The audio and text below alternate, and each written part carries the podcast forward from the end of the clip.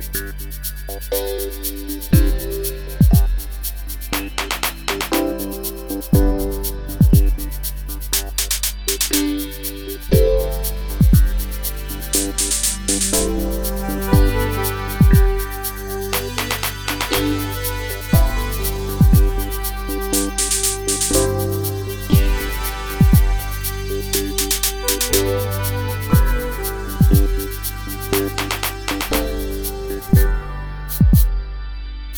Saluton kai bonvenon post longa pauso uh, de nove uh, el sendigas la movada vid punto la dudek quara el sendo kai ni estas en loco kie ni ancora ne estis antaue en uh, Osterode ce la Harzo, Osterode am Harz, estas naibara urbo de la conata Esperanto urbo Herzberg am Harz. Kai, uh, yes, ni havas gaston ĉi tie. Do, unu, eh, unu ni estis ĉi tie eh, pro la Germana Esperanto Kongreso, yes. Mm. estas mm. Esperanto Kongreso unua kiu ni partoprenas post la uh, post pandemio. La oh, do, estis, ne, estis ne estis kongreso, estis la ja chef kunveno kiu ja, okazis ĉi tie. Yes. Es, es, yes. por esti tre preciza, ĉar tio devis fakte okazi kaj ni um, kaj ni ege ĝojas ke ni eh, sukcesis interkonsenti intervjuon. Kai nia gasto estas uh, estas Sofia Correri. Kiu fakte estis nia gasto en Movada oh, Vidpunkto. Oh, saluton Sofia. Saluton. Saluton al vi. Do, ni ĝojas uh, denove havi vin ĉi tie. Kai uh, eh, uh, yes, do mi ne scias ĉu homoj auscultis la unuan epizodon, uh, eh, kie vi estis gasto, uh, vi tiam parolis pri la uh, Herzberg uh, Esperanto urbo, Esperanto centro en ĝi, kaj uh, uh, do, tamen, ciui povas diri uh, kiu vi estas, kaj uh, kaj kio estas via ligo al Esperanto? do, kiel vi aŭdis, jam mia nomo estas Zsófia Korodi, mi devenas el Hungario, sed vivas en Germanio jam de pli ol dek ok jaroj, fakte en Herzberg mem, kaj estas uh, kunlaboranto aŭ gvidanto, unu el la gvidantoj de la Esperanto-centro en Herzberg. Mi estas komisiito por eh, uh, educado, instruado de la lingvo kaj ekzamenado komisio venos de Germana Esperanto Asocio, ĉar la centro estas la filio de GOEA por klerigado kaj kulturo. Mm -hmm. Do ni plenumas plurajn taskojn, ĉu ne, en Herzberg por Esperanto estas loka agado por uh, gvidi klubon uh, fari la Esperanto aspektigon de la urbo en kunlaboro kun la urba administracio ekde 2006. Ni zorgas ankaŭ pri trei seminarioj kai instruado de instruontoj, instruistoj, ne nur instruontojn, sed ankaŭ movadajn aktivulojn ni trejnas per niaj trejnseminarioj, kiuj ĝenerale okazas kvar kvin foje en la jaro. Kaj eh, la centro estas ankaŭ la centro de la asocio de germana esperanto instruistoj kies mm -hmm. Eh, prezidanto mi estas mm -hmm. Gi estas la landa sekcio de ilei en germanio kaj mi gvidas ĝin ankaŭ em de kelkaj jar dekoi bele je do uh, kaj vi nun diris uh, uh, instruistoj uh, vi mem estas instruisto aŭ ĉu vi estas pli managero aŭ kiu do laŭ laŭ profesio mi estas instruisto, eh, mi eh, finis la Esperanto fakon en la Universitato de budapesto elte. Mi studis lingvojn, la anglan, la hungaran kaj Esperanton, do mi finis ĉiujn tri fakojn kaj havas mian diplomon. Kaj eh, laŭ profesio mi ege shatas instrui, ne? Estas mia uh, electita faco, kai mi instruis en plurai lerneioi en Budapesto, kai mi instruas ancau au instruis antau la pandemio ancau en Herzberg et mm -hmm. en lerneioi mancus al mi instruado se mi ne, ne povus tion fari kai compreneble gvidas ancau movada in cursoin mhm. de comenzanta nivelo gis la instruista trainado mm -hmm. de lerneioi gis popolalt lerneioi do estas eh, eh, uh, uh, gioio por mi occupigi pri diversai age gruppoi mm -hmm. kaj donas gioion tio ke eh, transdono de scioi estas videbla per la disciploi yes Yes, fakte uh, tio estas uh, jam nia temo pri kiu ni ŝatus paroli hodiaŭ. Uh, vi ankaŭ dum dum tiu ĉi uh, eh, kongreseto aŭ uh, eh, kunveno uh, eh, menciis la temon kiam estas la plej bona aĝo por infanoj lerni la lingvojn kaj uh, kaj tie mi ŝatus uzi vin uh, aŭ uzi viajn sciojn kaj vian ĉeston kiel uh, kiel specialisto uh, se vi povus uh, iomete eh, uh, lumigi tiun parton uh, kiam estas la plej bona tempo kiam infanoj lernu la lingvojn kaj kio diras uh, pro kaj kio kio kio estas kontraŭ. Jes vi donas al mi malfacilan taskon.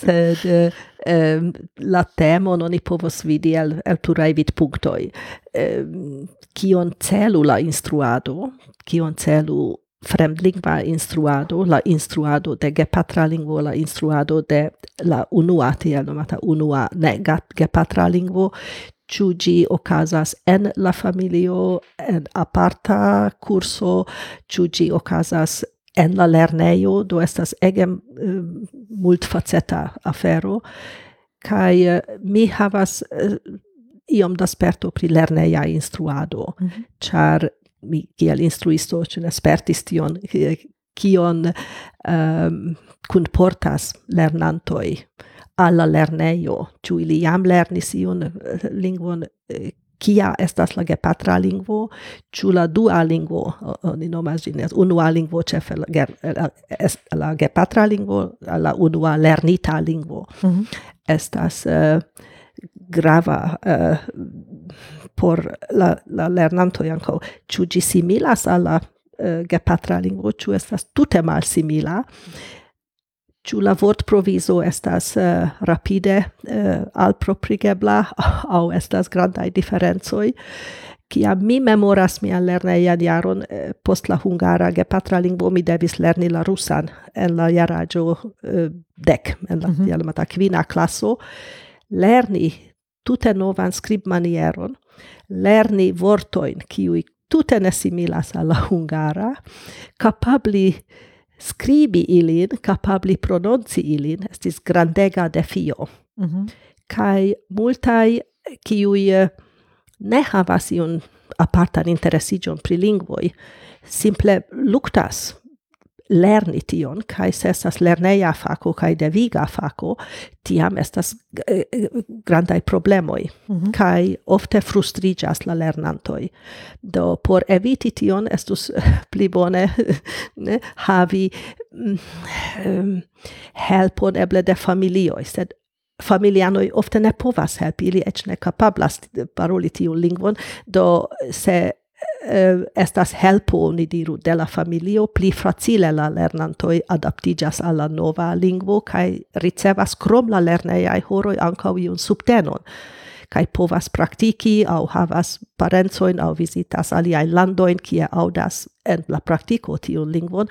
Alikaze ĝi lerna, restas kiel iu deviga lerneja fako kaj tiam estos eh, granda kontraŭstaro Net? Mm -hmm. Kion mi faru estas, eh, mi ne volas tiun lingvon, povas diri la lernanto, mi devas le do, lerni ĝin. Do, verŝajne tiu aĝo, kaj... kiam, kiam eh, do, unue kiam lernantoj, do infanoj venas al la lernejo, ili estas ĉiuj ravitaj, ĉar estas, ili lernas ion novan, kaj la instruisto aŭ instruistino estas la heroo, kaj estas, eh, estas uh, tute uh, alia kondiĉo, kaj iam ili venas uh, al la aĝo de dek jaroj, kai uh, tiam tio shangigas kai unu la instruisto iĝas malamiko kai uh, kai poste venas la uh, tiu uh, tiu uh, dek ses dek sep jar kai tiam eĉ gepatroj iĝas malamikoj.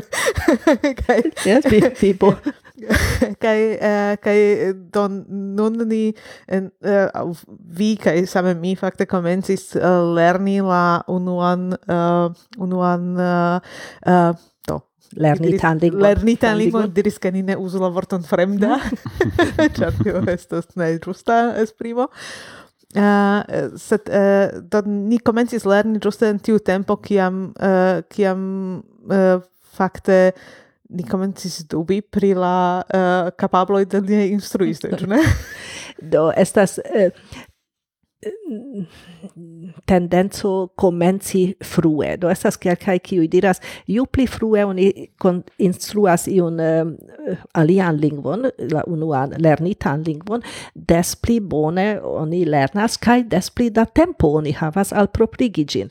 Sed la spertoj montras ke se oni eh, en la baza lernejo unua klaso, dua klaso, kia eh, eklernas ĝin, kiam ankoraŭ la gepatra lingvo ne estas tre konscie eh, lernita kaj ne havas sistemon en la kapo, tiam restos iuj vortoj eh, sen gramatika strukturo eh, en tiu nova lingvo kaj eh, eble ludeme lernas la lernantoj nur kelkajn kantojn aŭ vortojn.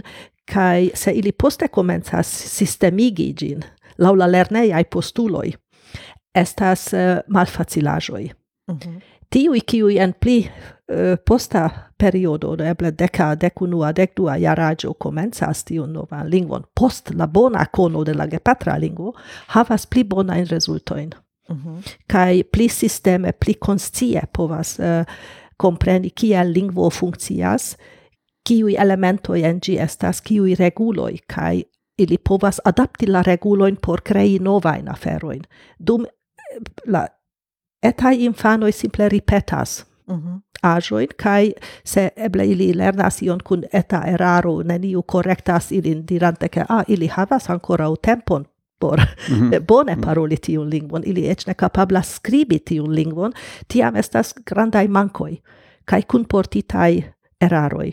Mhm. kiujn oni pofa, po, malfacile eliminas poste. Uh, tamen antaŭ kelkaj jaroj, mi ne scias, eble dek jaroj uh, e, en verŝajne plej granda kvanto de la eŭropaj landoj uh, la sistemo ŝanĝiĝis kaj e, kaj ĉiuj landoj puŝas la lernejojn puŝas lernejoj instrui la lingvojn vere en la frua agio au ec en infan giardenoi veris eh, estis granda eh, granda uh, furoro eh, eh, fari tion eh, che infano iam en infan giardeno havas ian eh, ian alian lingvon por lerni eh, sed kio tiam uh, parolis uh, pro uh, tiu decido? Laumi estas modo. pli modo ol scienca baz, bazo malantaŭe kaj ankaŭ iu propagando. Ĉefe temas pri la angla. Mm -hmm. Kaj ni ne? En Europo almeno ci diras ah vi havas uh, carriero nur se vi lernos la anglan komencu frue certi am vi havas pli bona chancoin oni povas vendi bela in lerno libroin oni povas pushi la gepatroin pagi por kursoi do tion mi formulas tion estas la, la mo, modo? Kaj estas eta konkurso, mi jam iras, uh, mia lernanto aŭ mia infano jam povas uh, diri tion kaj jam kantas en, en la angla, jam kapablas diri tion kaj jenon. Sed uh, vera lingvo kono ancora ne ekestos pro tio. Mm -hmm. Kaj se ili tro leggere, tro ludeme komencas, Eh, Eh, poste venos la i grammatica giustezzo, formulo de frasoi, analizo de la lingvo, kai ili restas cetiu ludema stilo, tiam ili havas problemoin. Ne, ist da, mi en mia lingvo lernada carriero fakte uh, iris la la fakte Malan, malan vojon. Do uh, fakte do de mia familia fono estas tie ke miaj uh, gepatroj uh, bone parolas fremda no no alia in lingvo la la nita in lingvo in mia patrino bone regas la franzan kai uh, la anglan mia patro la anglan kai mi uh, i anko sufice usas, äh, usadas Tion äh, konojn, do of the Voyages al äh, Francio, al Anglio, Cami of the Audis aŭdis ein gepatrojn äh, Usi Tion lingvojn. Kai äh, es ankaŭ eh, äh, mi tute praktik, praktike mia, mia äh, patrino foje interpretis äh, inter mi Kai kaj samaĝaj infanoj en, äh, en Anglio auf Francio, do por es estis tute evidente, ke es das utile äh, paroli äh, eh, plurajn lingvojn äh, kaj äh, set mi do ne vere Systeme erklärnis lingvojn, do mi yes, konis ke kein kantoin anglajn eble auf aŭ francajn, set ne vere ke kein wortoin set um, la äh, unuan fojon kiam chemi vere sisteme erklärnis es estis en la äh, en la unua klaso de la gymnasio do la quina lerneja jaro, kaj tio estis la latina. Mhm. Kai, do mi iometes das ähm do unu flanke äh, tio äh, suf, estis laŭ mi estis sufiĉe utile al mi havi äh, lerni la latinan, sed ne tio multe por la lingvokonoj, sed pli äh, por la logika mhm. pensado, mm -hmm. ĉar eh, ne estis ia eh, ist tutte evidente che ne estas celo paroli la latinan. Do, eh, do es, eh, estas, ähm, sed estis ähm, äh, tre do mi tre chatis ver äh, lingvon äh, laula formala reguloi kai äh, do trovi la rilato in intervortoi subfrasoi kai äh, tio wahrscheinlich äh, suffice anche helpis al mi en lernado de programmado. Tja, tio vi havas tio in äh, tre strikte logikein äh, äh logikein ähm, äh, reguloin kai do nur poste mi fakte äh, erklernis lingvoin engla franzan anland kai do fin anko esperanton äh, pli per tiu metodo usi la lingvon en la en la babilado. Kai do mi pensas ke tiu ne estas la play mal dusta äh, oder play mal bona äh, vojo char äh, mi tamen povas pozitivno teorija in konoj. Mi, mi ekzakte konas, das estas kazoj, kje estas verbo, kje mhm. estas mhm. participo. Tio ne estas iel koncepto, kion mi äh, wie es fakte lerni pola lingua lingvo lernado, ĉar mi ĉion jam konis de la latina. Kaj um, ähm, mi ofte miras, ĉu uh, äh, ĉu tiuj uh, äh, konoj pri la lingua Theorio, chu ili es estas kiom grad ili estas helpaj por lingvo uh, aproprigo, es das, äh, helpo chu es das, uh, ähm, neglecteblai, do kio estas via opinio pri tio? Do, mia opinio estas ke estas vera bona helpo. Kiel mi diris tiu tiel mata ripetado de, en frua agio de vortoi, kai ne, ne gvidos al lingvo capablo, parol capablo, nu gvidos nur se la kiel vi diris la um, heima fono, la gepatroi au aliai ebligas practicadon de tio. Se ne, tiam gi restos quasi iu acquirita basa cono, sed ne farigios vera lingua us capablo. Quasi infanae Infa poemoi. Poe, yes, ancao. Estas iu bona baseto, sed eh, tiu sistemigo de la, de la lingvo lernado, gi vere venos eh, eh, post la deca iaraggio. La via plei bon asperto esas cun dec unu, dec du jarai lernantoi, kiui tre, tre rapide, giuste post la compreno de tiu lingua sistemo, au pere de la eh, gepatra lingvo, au iu oni parolas de utico, ne? Lernu, i, lerni iun lingvon, kie sistemon vi eh, vidas, vi capablas, vi conas tiu nocioin, kiel funkcias iu lingvo, pli frue tion en, en antau la deca iaraggio vi ne povas instrui ancora o lernantoi, cae vi multe sparas en la lingvo lernado se vi havas tion bason, ciu pere de la latina, la sistemon, la logikon, compreni la funkcion de la elementoi en la lingvo. Cae um, por tio taugas, ne? la latina ec se quelcae trovas gin ege malfacila, cae neutila o nepraktika en la ciutaga vivo. Kai eh, Estas foje eh, es, utila por fanfaroni. Por, yes. Ja, eh, sed, sed tre, tre gravas eh, eh la um, tiel vataj grammaticae kategorioi Hmm. Kai la compreno kiel eh, ili estas combineblai. Bela exemplo estas eh, en Hungario tiui kiui iris al cursoi prepar cursoi por trapassi la exemple, bo unu, bo du nivelan examenon en iu alia lingvo, ili estis devigatai eh, lerni unue la, germa, la hungaran grammaticon. Char la instruistoi diris, ni povos prepari vin, sed dauros tre longe.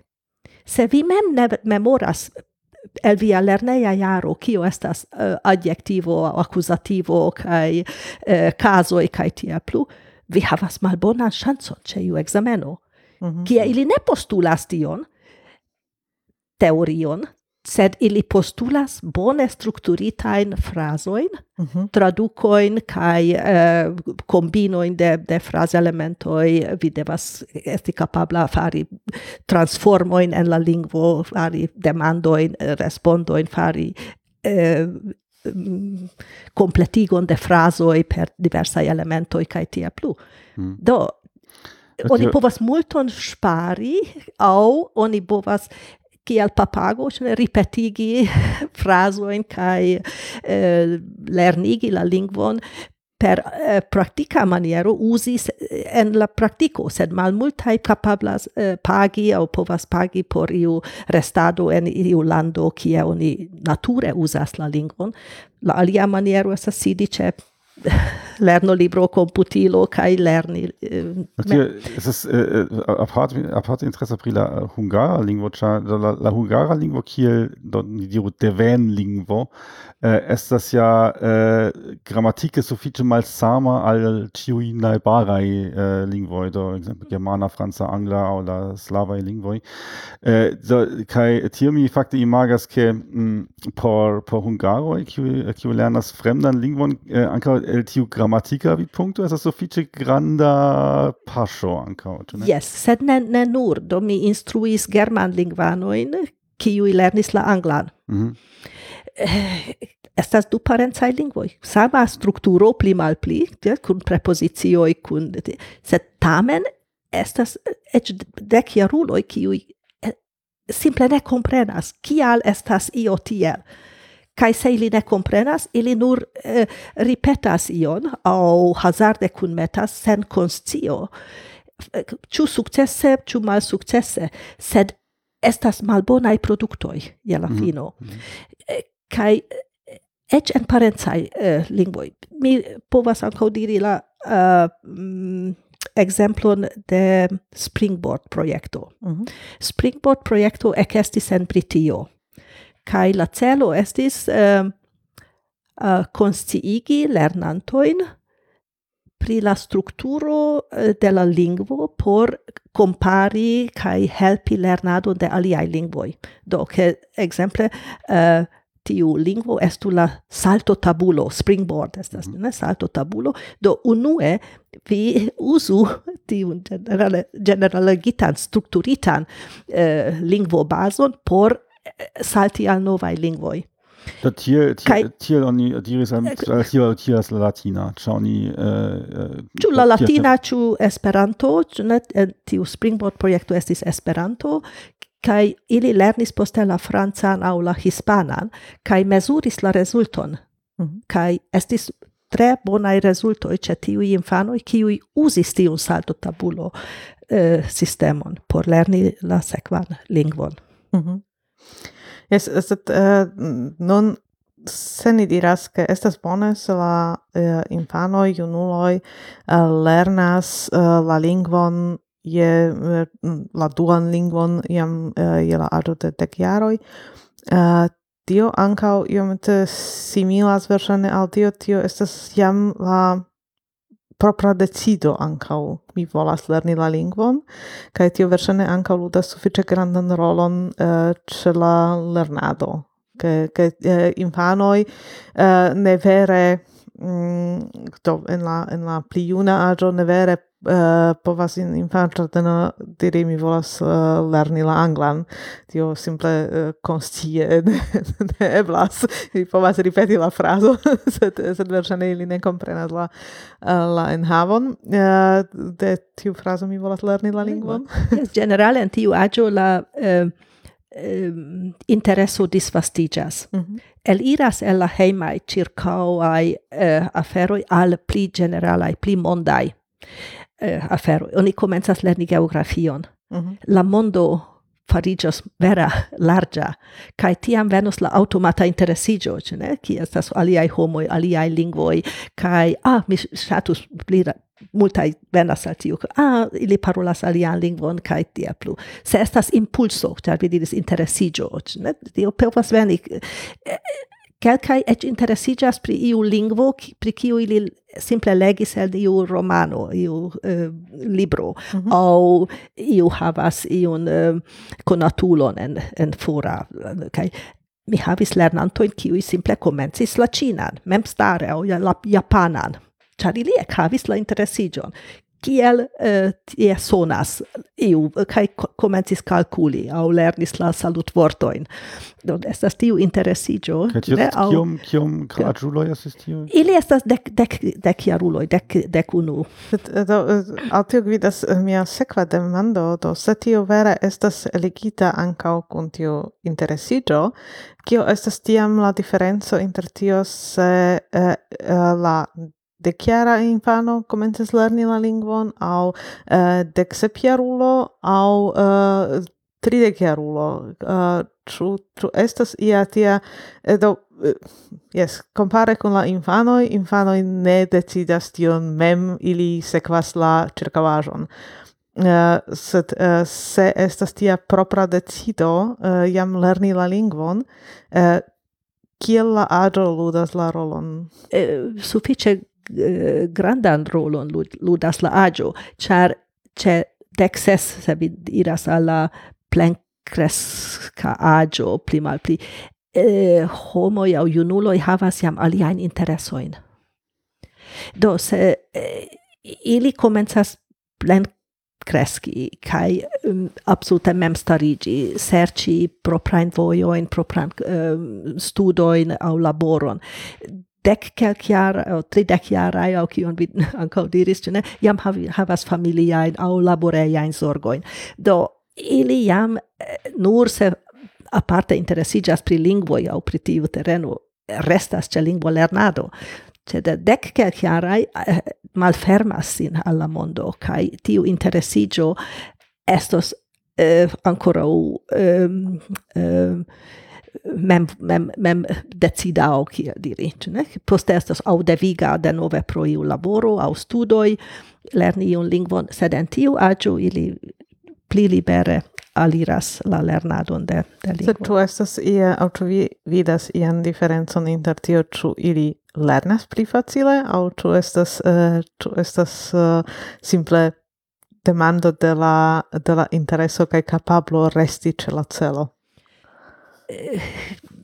lerni lingvon estas um, sufiĉe persona afero. Do kelkaj kiu kelkaj ŝatas matematikon aliaj ne. Mm. kelkaj ŝatas lingvojn aliaj ne. Eh, oni ne povas ĝeneraligi. Kaj la deviga instruado kaj la memvola eh, lernado ne estas eh, ankaŭ eh, granda diferenco. Kelkaj lernas, ĉar estas lerneja fako kaj devas lerni tiun lingvon, aliaj interesiĝas kaj kompreneble pli rapide evoluas en tiu lingvo, pli rapide alproprigas aferojn, ĉar tiu kontraŭstaro kun eh, eh, eh, okay, sátó ne sátó pláčo povozestianka, ki je na lijajfaku, je la um, čirkavažo, la šato, la instruisto, la metodo, ki jo oni uzas, ne taugas čiu metodo por čiui. Do esas troda disbranchigio, ni diru. Hmm. Eh, eh. Ez es, es es eh, interesse, char um, do observas tion fenomenon, ke exemple infanoi de uh, en emigrintoj, qui äh, en la diru bazlerneja aĝo, do inter do mi estas kvin kaj dek, envenas novan landon. Äh, eh, kaj eh, äh, eĉ la gepatroj ne regas la eh, lingvon de la nova lando kaj la infanoj eh, vizitas la bazlernejon kaj ili sufiĉe rapide, rapide ankaŭ yes.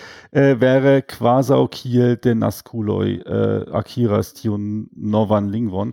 Eh, kaj samtempe la gepatroj eh, eterne fakte restas eh, havas Äh, do ne perfekte lernas tin kaj do de tie eble venas tiu äh, tiu äh, imago ke jes se oni instruas infanojn tiu tiam ili lernas ke ka iam se li estas tro aĝaj ili ne lernas sed do tamen tiu tiu infanoj de inmigrintoj ja lerna ne lernas la lingvon eh, instruitan ili ja simple lernas ĝin eh, äh, do ĉar ili estas enĵetataj en la ĉirkaŭaĵo ĝuste kaj eh, ne estas ĉar ili havas eh, la lingvo instruadon en la eh, ĝusta aĝo.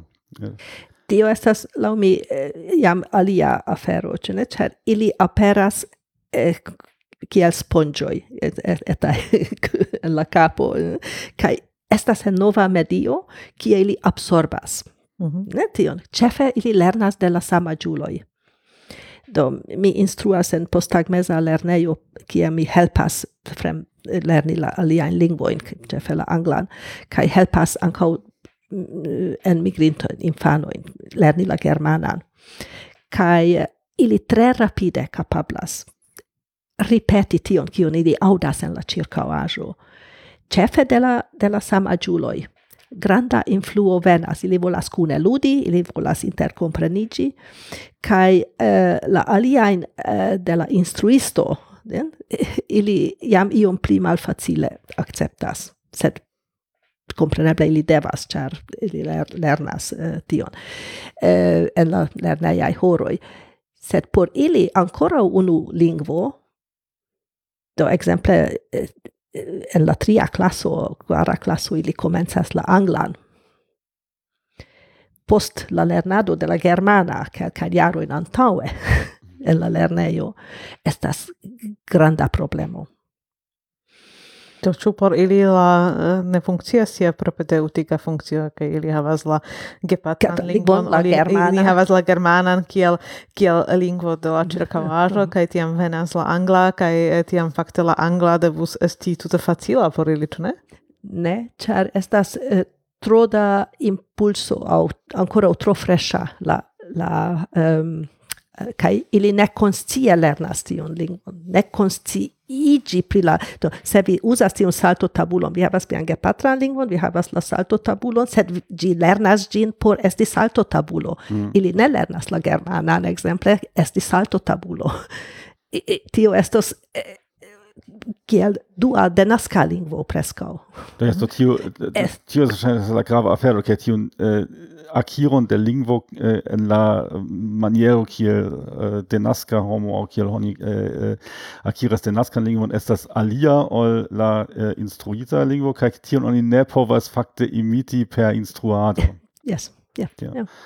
Mm -hmm. yeah. Es do tio, uh, tio fakte por, uh, por uzi tiun propedeutikan funkcion uh, eh, de Esperanto, se, se iu aŭskultas kai, kaj havas tiun celon, uh, tiam uh, la, la uh, mesaĝo estas uh, ke oni ne komencu en la infan ĝardeno kaj ne ne komencu uh, instrui Esperanton kiel uh, kiel uh, uh, duan gepatran lingvon au ian tian hazardan lingvon de kiu oni havas ian vortprovizon bazan au ion tian.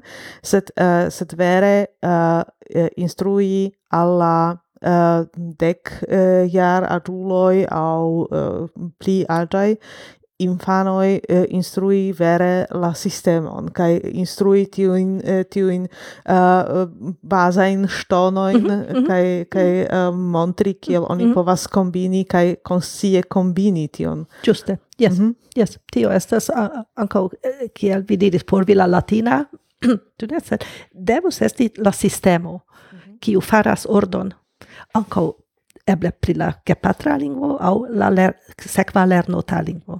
Sed tamen uh, se ni denove eh, revenas al tiu punkto che uh, eh, che en multaj landoj oni komencis instrui la uh, alia in lingvo in uh, en la infan ĝardeno uh, uh, uh, char on rigardis uh, la la denasculoi qui havas plurajn gepatrajn lingvojn kaj kai uh, eh, un dirastio tio estas ja bonege eh, uh, kai tiuj infanoi havas avantaron char fakte uh, jes suĉis la lingvoin kun la patrina lakto kio estas kio estas tiam tiu pozicio de de la denaskuloj do ili daure havas tiun avantaron kvankam ili lernis du ne nekonscie.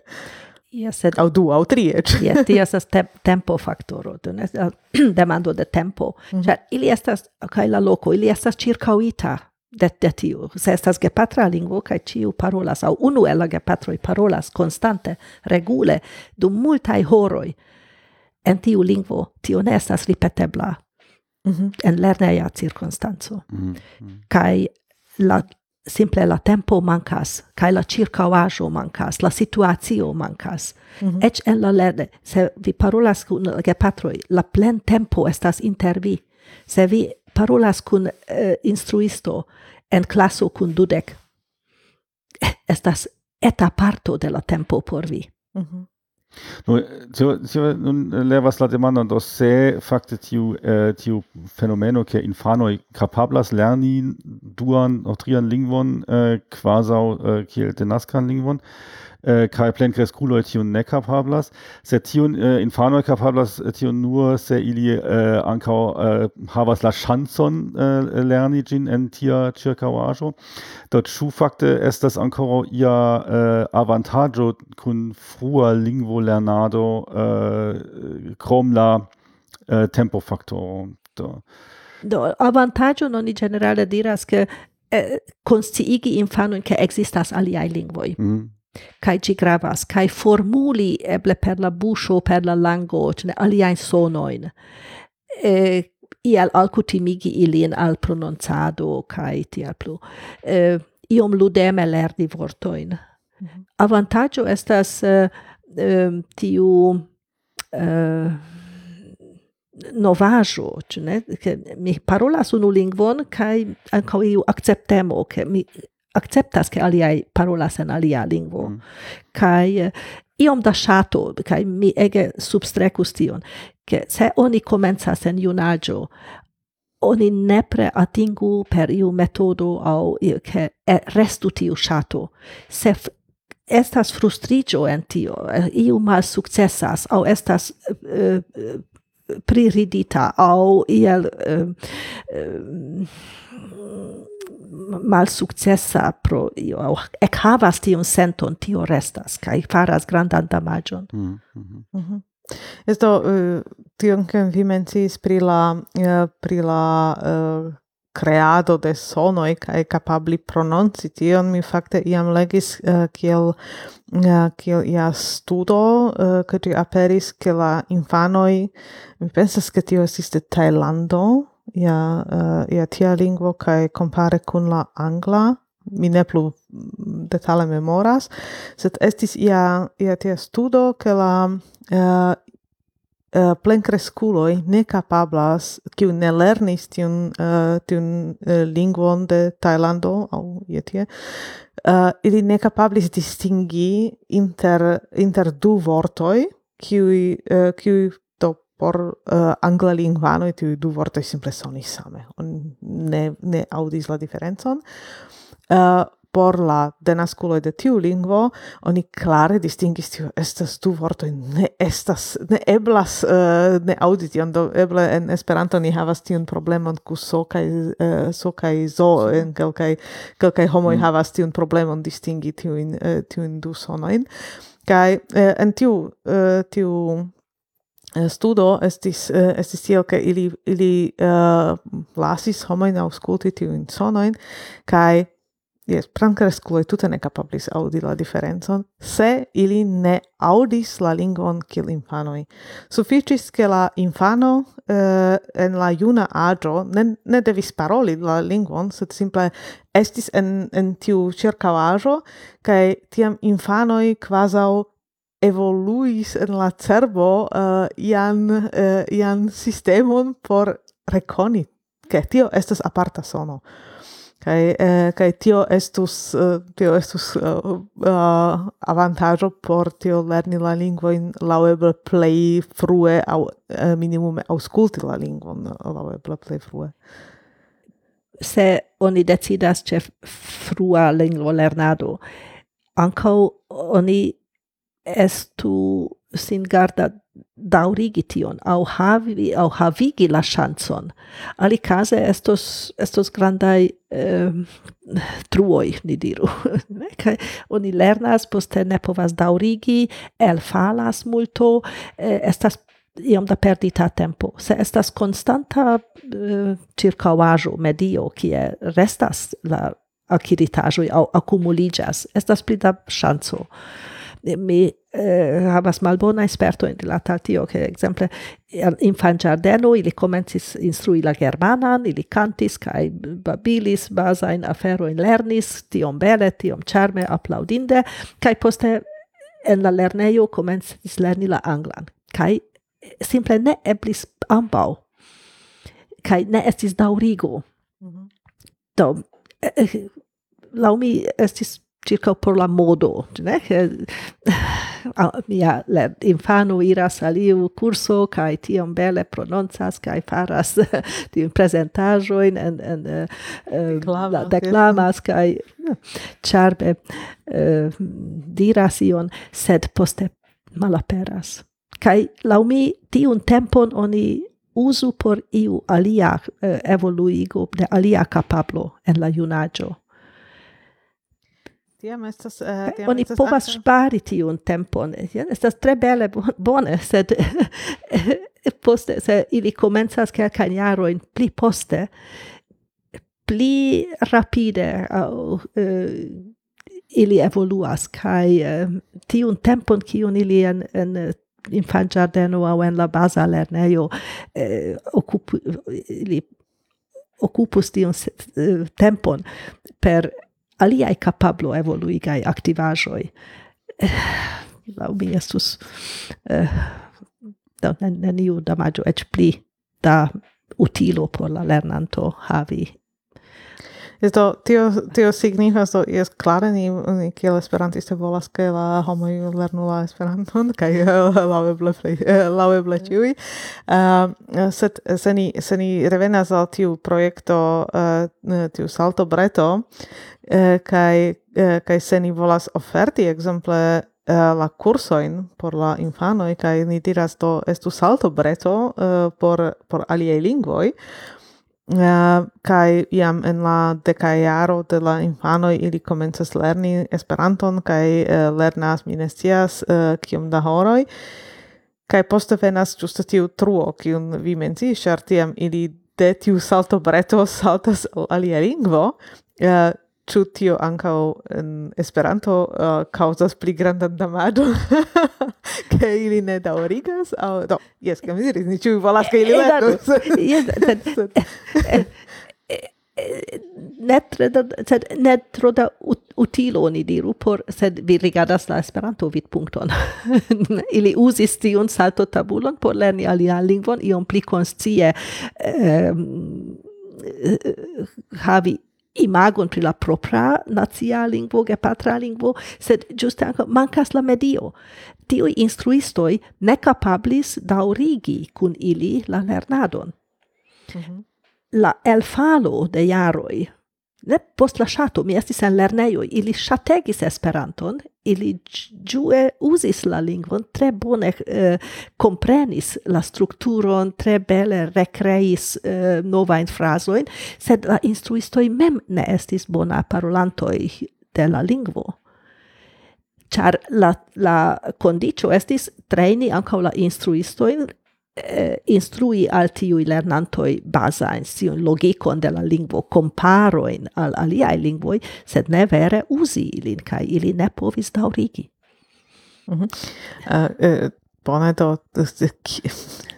kio, kio tiam, mm, krom tio, ke ni mm. bezonas instruisto kio alia mancas al, al ni, mm. al esperanto uh, por por havi cion, mm. por che tiu infanoi povus sekvi. Ciu existas fakte uh, sufficiai materialoi por daurigi uh, uh, la, la intereson en Esperanto ancau en la jaro de, uh, en la uh, agio dec tri jaro. Do multai songias pri tio, ciu ne? Che Esperanto estu, ni diru, la, la instruata lingvo au la, la dua lernita lingvo por lernantoi, sed ni ne havas la instruantoin, instruistoin, ec se ni havus, daurus au ni devus komenci ne, ce la instruado de instruistoi, kiui kapablas au paralele fari tion kai lern materialoi, facte, estas suffice multai.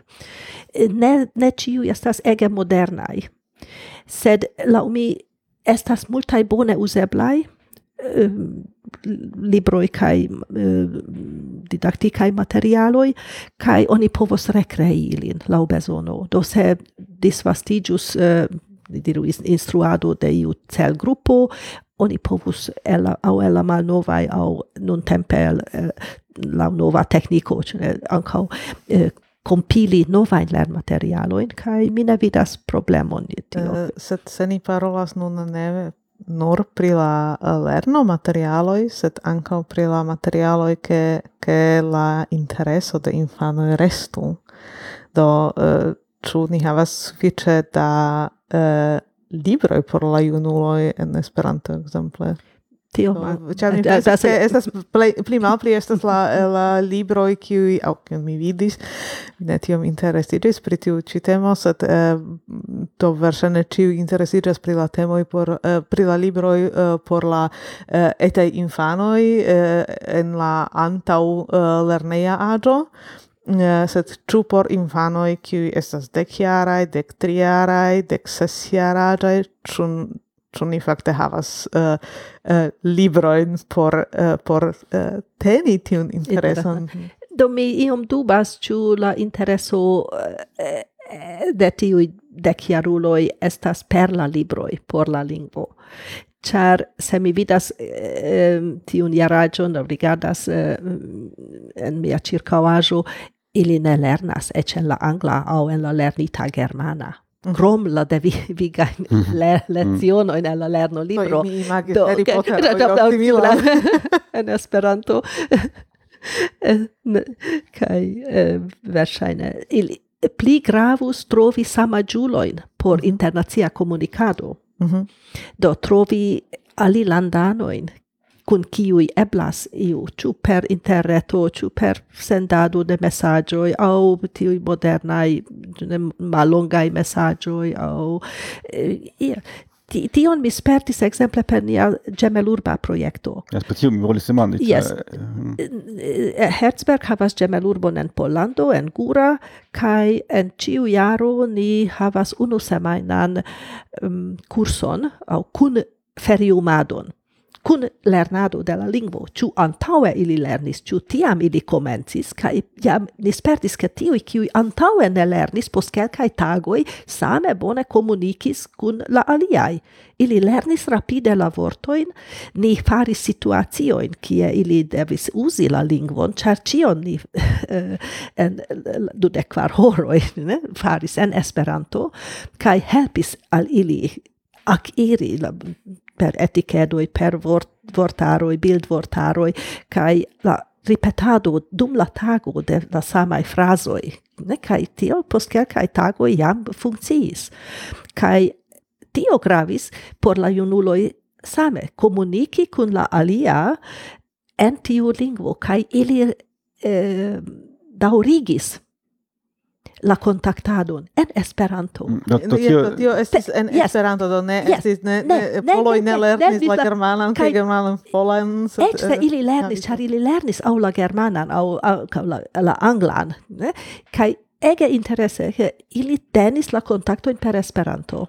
Das ist wie was in in in Gura und ist das äh, Esperanto instruisto kiuj povas mm, meti tiajn bazojn kai tiam en tiu povas helpi anko kai anko ne ofertas la lingvon um, por interesiĝantoj aŭ el la lernejo preparas la lernantojn por tiuj vizitoj kaj interŝanĝoj.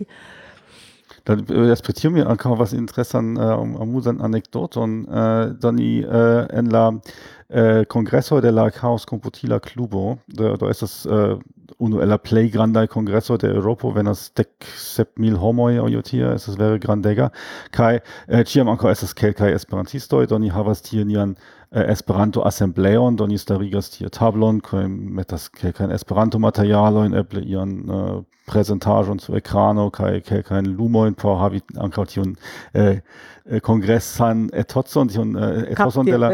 Yes, io devas kaj ni ankaŭ estas äh, en la listo de de la de la de la asembleo ni foje ankaŭ ofertas ian kurson do kaj äh, unufoje okazis ke ni tie äh, donnokte iam je la dua tria ankoraŭ sidis ĉe nia asembleo kaj iomete umadis do duope kaj venis ia juna viro do eble dek ok raja kai kaj eh, demandis en Esperanto, eh, chu chu vi estas la esperantisto Kaj ni yes, ni estas eh, ni estas la Esperanto asembleo, io mette babilis de kie vi venas, do li venis el Skotlando kai um, ni do kelkaj minuto in babilis kaj tiam li uh, de nove volis foriri kaj li diris oh yes, wow das ist la unua fojo ke mi parolis en ne mia gepatra lingvo. Kaj do, uh, Charlie do eble lernis alian lingvon in la lernejo sed neniam ekuzis ilin. Kaj uh, do iam eklernis Esperanton pro io kialo kaj tiam vidis ah estas tie fakte esperantistoj do mi simple provas ĉu mi povas paroli kun ili. Kaj tio estis li diris ke estis tiom tiom nova sento por li, ke li vere simple usas äh, uh, lernitan lingvon. Mm. Kai eh, tiam li poste revenis kun, uh, kun amikino, kai diris, oh, vidu, mi povas kun ili paroli en Esperanto. yes, yes, yes, so. yes.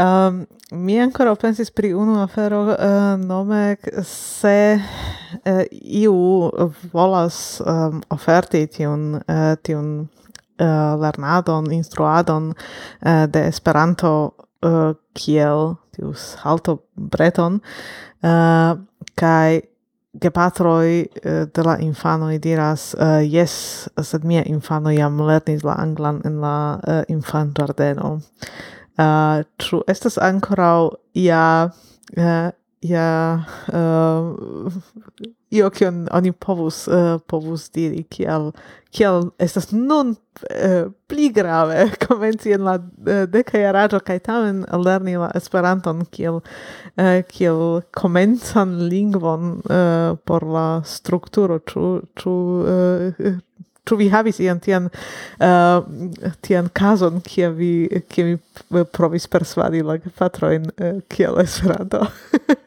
Yes, tio estas tre tikla demando kaj tre malfacila afero, ĉar gepatroj jam kunkreskis kun tio, ke jes, celkonscie la anglan, ĉar vi havos vian karieron kaj viajn studojn kaj nepre vi devas tion uh, alproprigi kaj tiu uh, ludo aŭ lernado de aliaj lingvoj estas nur perdo de tempo. Tre facilas convinci uh, gepatroin, char ili audas cie. La angla estas mond lingvo. Mm -hmm. La anglan vi povas uh, de excursoi, uh, voyagioi, uh, ciu parolas en la mondo la anglan, char ili audas tion, ca ili credas tion. Do, tre mal facilas. Uh, mi calc foie diris, bone, estas du afero tu vi volas tion salto tabulon au vi volas li diru komunikadan aspekton de la lingvo. Kaj mi diris Esperanton oni povas pli rapide uzi, ĉar estas malpli da reguloj kaj estas pli da ŝato ĉe la lingvo, kiam lernantoj kun ŝato lernas kaj ne kun devo.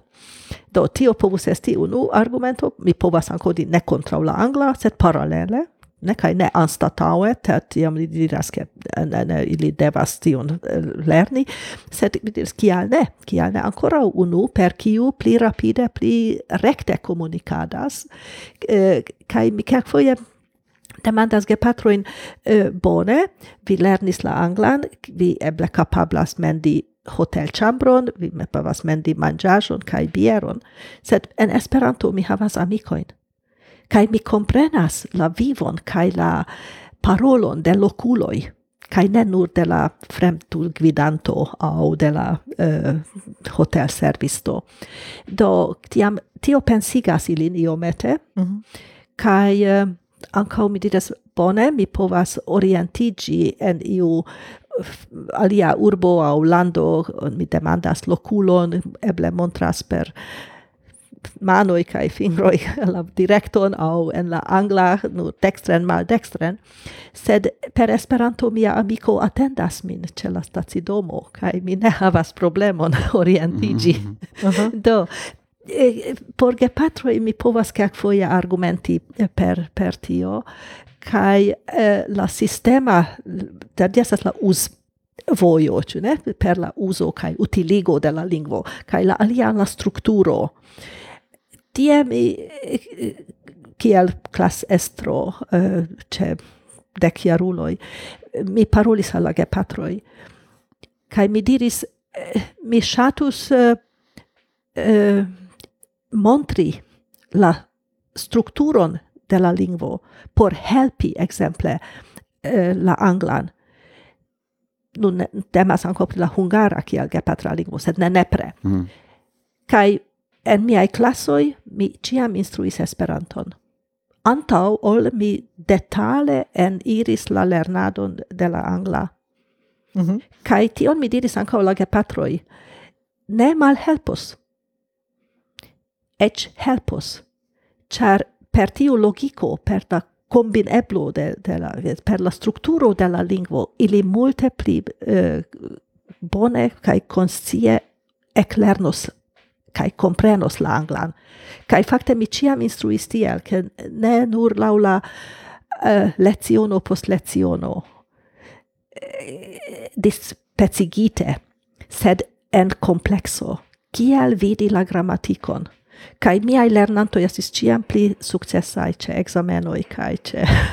Ĉu vi ankaŭ ricevis ian, uh, ian uh, uh, ien messaggio in posta do yes ni ne credit al vi comenza set fine funcciis au tu la reago estis tre positiva do ili acceptis tion ke mi mm. ne longe sed kelkaj lecionoj mi usis miajn lecionojn por instrui basan Esperanton -hmm. kai mi petis ankaŭ la permesso sed ankaŭ almenaŭ mi informis la gepatrojn kai diras mi tion faros ĉar mi poste ŝatus ankaŭ uzi tiu aludi al tiuj kategorioj kaj tiel plu vidu tiel estas kaj tie vi komprenis en kvin minutoj mm -hmm. la uh, kategoriojn de Esperanto la baza strukturo nun adaptu mm -hmm. kaj estas simpla afero kaj por mi tio estis la eta salto tabulo.